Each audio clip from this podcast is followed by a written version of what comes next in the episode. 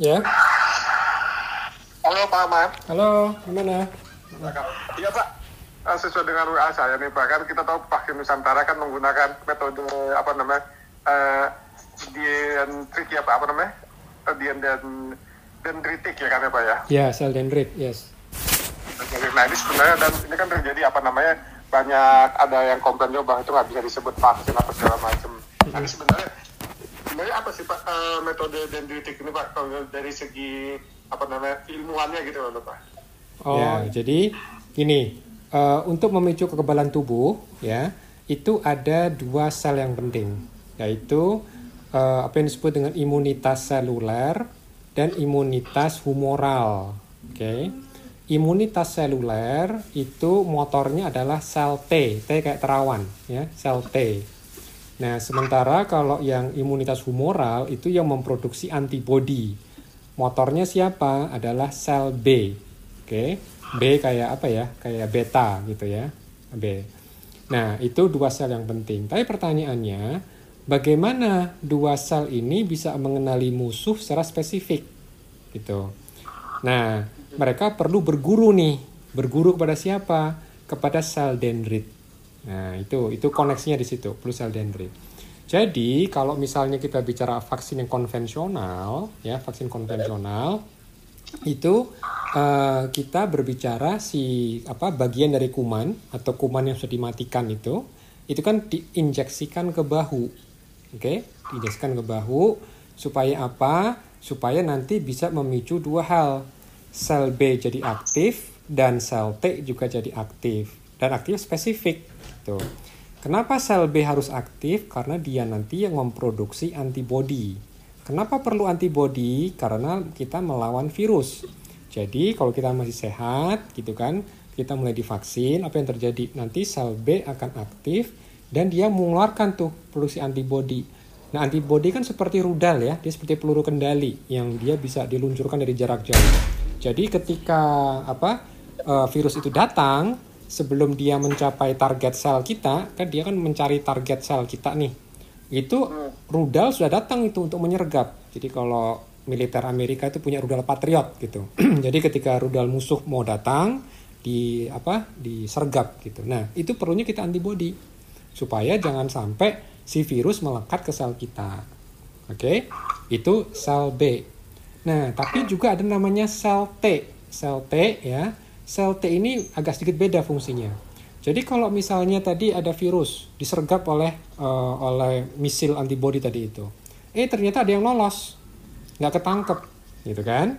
Apa yang terjadi? Nah, yang lolos ini kan akhirnya bisa mencapai sel target, sel target manusia. Nah, ketika dia mencapai sel target manusia, dia berhasil masuk, apa yang terjadi? Dia mengkonversi sel kita, sel manusia kita tadi itu menjadi pabrik virus.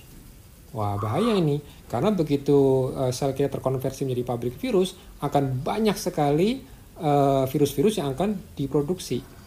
Nah, fungsi dari sel T apa? Sel T itu kayak Kopassus. Dia bisa membedakan sel kita yang masih sehat sama sel kita yang sudah terinfeksi.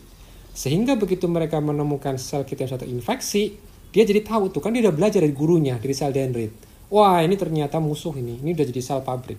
Nah, dia datang membinasakan uh, sel pabrik tadi itu gitu nah jadi uh, dua hal yang yang kita perlukan produksi antibodi dan juga aktivasi sel T itu yang konvensional kenapa karena dalam konvensional apa yang terjadi ketika antigen itu disuntikkan ke bahu nah antigen itu akan ketemu sel dendrit tapi juga ketemu sel B. Nah, sel B ini menarik ini. Sel B itu memang dia belajar dari guru, yaitu sel dendrit. Tapi si sel apa sel B ini dia juga harus ngelihat aslinya. Jadi dia nggak cuma dengerin dari guru, tapi dia juga harus melihat dan merasakan oh aslinya kayak gini. Dia harus betul-betul meraba gitu. Jadi nggak cuma dari gurunya, uh, tapi dia juga harus meraba. Beda sama sel T. Kalau sel T cukup diceramai sama guru ngerti dia. Dia langsung tahu, langsung paham oh yang ini musuh kita gitu. Nah, apa yang terjadi dengan eh, pendekatan vaksin Nusantara yang digagas oleh uh, Pak Terawan? Itu sel dendritnya tadi itu uh, ditumbuhkan di luar tubuh. Jadi uh, jadi bedanya semua vaksin pasti butuh sel dendrit, pasti itu nggak ada yang nggak butuh. Oke, okay? semua pasti butuh. Bedanya apa? Kalau yang konvensional kita sudah punya dendrit yang alami, yang sudah ada di bahu kita sudah ada itu. Tapi kalau Pak Terawan dia berusaha lebih cerdik. Jadi dia uh, apa namanya mengambil sel dari darah, ya darah diambil gitu kan berapa cc. Nah dari darah itu nanti dia pilah itu uh, di situ nggak ada sel dendrit. Kalau di darah tuh nggak ada sel dendrit. Yang ada adalah calon-calon sel yang bisa menjadi sel dendrit atau dendrit like. Jadi kayak semacam KW-nya gitu, dendrit KW gitu. Tapi KW-nya KW bagus ini. Jadi bukan KW abal-abal, itu KW bagus. Tapi bukan sel dendrit, tapi yang bisa di ini di apa diarahkan menjadi sel dendrit. Nah, caranya yaitu dikultur di cawan ya secara apa se, apa dengan prosedur yang sangat steril gitu ya, tidak boleh Oh, terkena kuman, terkena jamur gitu kan. Nah, nanti sel ini kan menjadi sel dendrit KW gitu yang yang apa namanya yang bukan yang ori ya, tapi yang KW. Nah, dalam proses itu sekaligus dipaparkan dengan antigen. Jadi pemaparan antigennya itu di luar tubuh. Oke. Okay?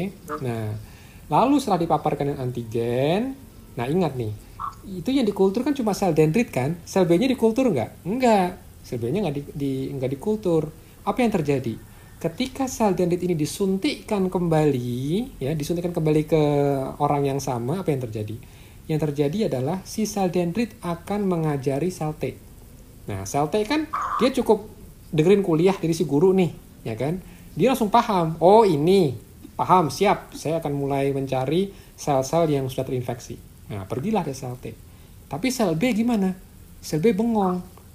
Wah, kok kayak gini ya tapi saya nggak ketemu ininya nih nggak ketemu aslinya gitu saya nggak bisa meraba aslinya apa yang terjadi ya dia bengong gitu kan dia mau aktif tapi nggak tahu gimana caranya karena dia nggak pernah meraba antigen aslinya sehingga kita lihat penggunaan vaksin dendrit ini itu sebetulnya emang lebih ke arah terapi kanker sebetulnya kenapa karena dia tidak banyak ya eh, apa namanya menimbulkan antibodi yang banyak muncul itu adalah sel T gitu. Kenapa? Karena kalau kita bicara terapi kanker, itu kan kita mau membinasakan kanker. Bukan cuma ditempeli oleh oleh antibodi, tetapi betul-betul dihabisi oleh sel T gitu. Makanya banyak sekali penelitian karena kanker walaupun memang sebetulnya untuk terapi kanker pun hasilnya kurang memuaskan ya. Jadi uh, memang masih banyak penelitian, tapi itu lahirnya dari situ. Dari tahun 2000-an itu uh, apa arah penelitiannya ke arah sana.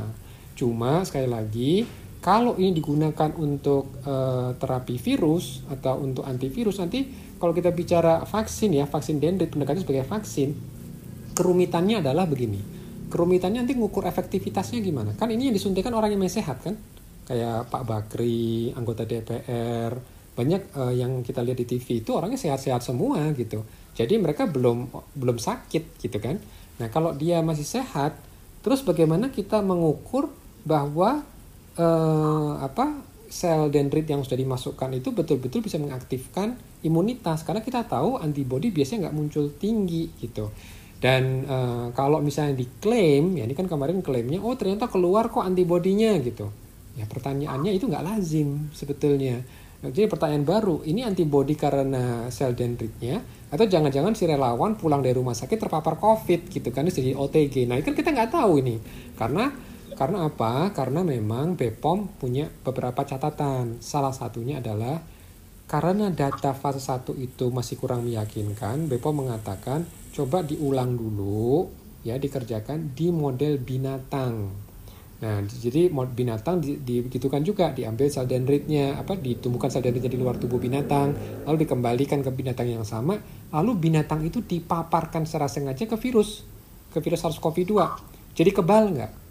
Kenapa ini penting? Karena semua vaksin yang masuk ke Indonesia, Sinovac, eh, AstraZeneca, dan juga mungkin nanti ada Pfizer, semua melalui jalur ini. Dicek dulu di binatang dan terbukti binatangnya terlindungi dari gejala COVID-19. Nah itu, itu mas. Uh, gak tahu kepanjangan nggak ini? Tapi jawabnya jadi cukup jelas kalau begitu. Nah, okay.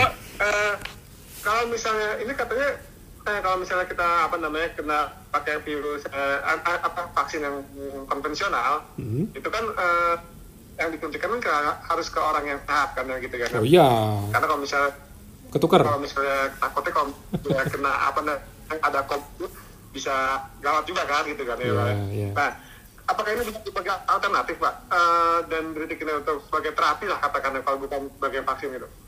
Nah, kalau sebagai terapi memang perlu uji klinis. Cuma kalau untuk sebagai terapi saya kok khawatir ya, karena begini. eh, kalau untuk terapi ini kan berarti asumsinya orang ini lagi sakit ya, lagi sakit eh, COVID, dan dia juga sebetulnya sudah mulai ada reaksi. Dan reaksinya ini kan istilahnya kalau kita bayangkan eh, di dalam tubuh kita sudah mulai ada udah hal yang mulai terbakar, mulai ada inflamasi. Ya sel tubuh kita udah mulai aktif, imun di pasien seperti mulai aktif. Nah sementara yang kita mau kembangkan ya itu kan eh, kalau yang kita ketahui sekarang ya pendekatan vaksin dendrit ini kan membawa apa? Membawa atau memunculkan sel T sebagai sel pembunuh. Nah, anggap saja pembunuhnya ini dia membawa amunisi yang sangat eh, ini yang sangat eh, deadly, eksplosif gitu. Nah, kalau misalnya si sel ini kan bawa sel apa amunisi yang eksplosif tadi itu, bayangkan ketika dia harus masuk ke perkampungan, di mana perkampungannya sudah mulai terbakar, tapi kan dia harus mencari si maling yang membakar tadi itu kan, harus mencari apa eh, aktor di balik pembakar-pembakar tadi itu kan. Nah, risikonya tuh saya khawatir ketika dia berusaha mencari maling tadi sambil membawa eksplosif tadi itu yang mudah terbakar juga di lingkungan yang sedang banyak bakar-bakaran, apa enggak apa enggak nanti malah justru menimbulkan apa ya ekses yang lebih ber- berbahaya gitu loh. Kalau ini sebagai terapi gitu kan. Karena kan im- kondisi imun sistem pasien COVID itu lagi baper-bapernya gitu, lagi betul-betul lagi marah gitu kan. Jadi ini ditambahkan suatu apa pendekatan yang justru meningkatkan tingkat kemarahan. Padahal yang kita perlukan itu bukan meningkatkan keparahan, tapi justru meredam atau memberikan kesejukan gitu. Jadi kalau kita bicara pasien COVID, terutama yang sudah gejala berat, itu kan masalah mereka tuh ini udah inflamasi, udah radang, udah hebat gitu. Makanya perlu diredam dengan kesejukan ya, dengan antiinflamasi seperti itu gitu. Jadi ya saya nggak tahu eh, apa namanya, apakah ini juga cocok untuk terapi. Eh, perlu makanya tadi perlu di- dibuat model di mencit dulu atau di binatang dulu. Dan itu kita sudah mulai banyak nih. Eh, kalau kita lihat dari literatur ada beberapa model binatang yang bisa dipakai untuk uji berbagai terapi yang yang inovatif atau vaksin yang inovatif gitu. Jadi kita bisa cek sebelum kita masuk ke ke manusia gitu. Oh. Jadi kalau misalnya untuk yang pasien yang udah terpapar juga masih dipertanyakan berarti pak ya? Oh iya, perlu itu perlu uji klinis sudah udah pasti harus itu. udah pasti harus ya. Apa misalnya untuk sini pak eh, yang belum belum terpapar tapi mempunyai apa namanya eh, penyakit bawaan yang berat gitu. Ini bisa juga nggak? Ya, ini kalau di kalangan medis sebetulnya ini arahnya pertanyaan untuk, dokter ya, bukan saya sebenarnya. Karena saya ingat kemarin di wawancara di, di, eh, stasiun TV swasta itu kan eh, salah satu eh, Prof Zuberi Jurban bilang, saya ini punya komorbid, saya ini punya penyakit jantung dan saya divaksin dan nggak ada masalah gitu kan. Dan kalau kita lihat sebetulnya justru memang pasien lansia, pasien komorbid itu yang jadi prioritas vaksinasi yang sekarang ini gitu. Nah, perkara apakah nanti mungkin ada apa namanya hal-hal klinis yang mungkin harus tangguhkan dulu, itu dokter yang paling tahu gitu. Tapi kalau ini menjadi alasan bahwa vaksin Nusantara alternatif, sebentar, jangan seperti dulu. Belum tentu juga ini aman untuk eh, apa namanya pasien komorbid. Alasannya di mana? Karena apa? Karena pada dasarnya reaksi imun itu itu punya jalur yang mirip sama. Bedanya kan cuma kalau yang vaksin konvensional dia bisa menimbulkan antibodi, sementara kalau yang vaksin dendrit tidak diketahui menimbulkan antibodi. Tapi kan antibodi bukan suatu apa namanya? bukan suatu zat yang memperburuk komorbiditas kan? Bukan yang minimal kita tahu an- antibodi itu tidak tidak memperparah sakit jantung, tidak memperparah diabetes kan gitu. Jadi artinya logika itu pun sebetulnya nggak pas gitu. Karena sekarang juga banyak vaksin diberikan untuk pasien-pasien komorbid, bahkan pada pasien kanker pun diberikan vaksin itu. Memang hasilnya tidak sebagus kalau dia bukan kena kanker gitu. Tapi bukan berarti nggak boleh divaksin, enggak. Boleh tetap di- divaksin nggak apa-apa gitu. Tinggal nanti harus lihat apakah dia tekanan darah lagi tinggi ya, terkontrol apa tidak. Kan masalahnya di situ. Bukannya pasien komorbid itu eh, jadi nggak bisa dapat alternatif vaksin sehingga harus pakai yang vaksin dendrit. Enggak, bukan seperti itu sih sebetulnya kalau yang saya tahu ya. Oke. Oke. Baik Pak Ahmad, terima kasih Pak Ahmad atas penjelasannya Pak Ahmad. Oh iya, mudah-mudahan gak membingungkan ya.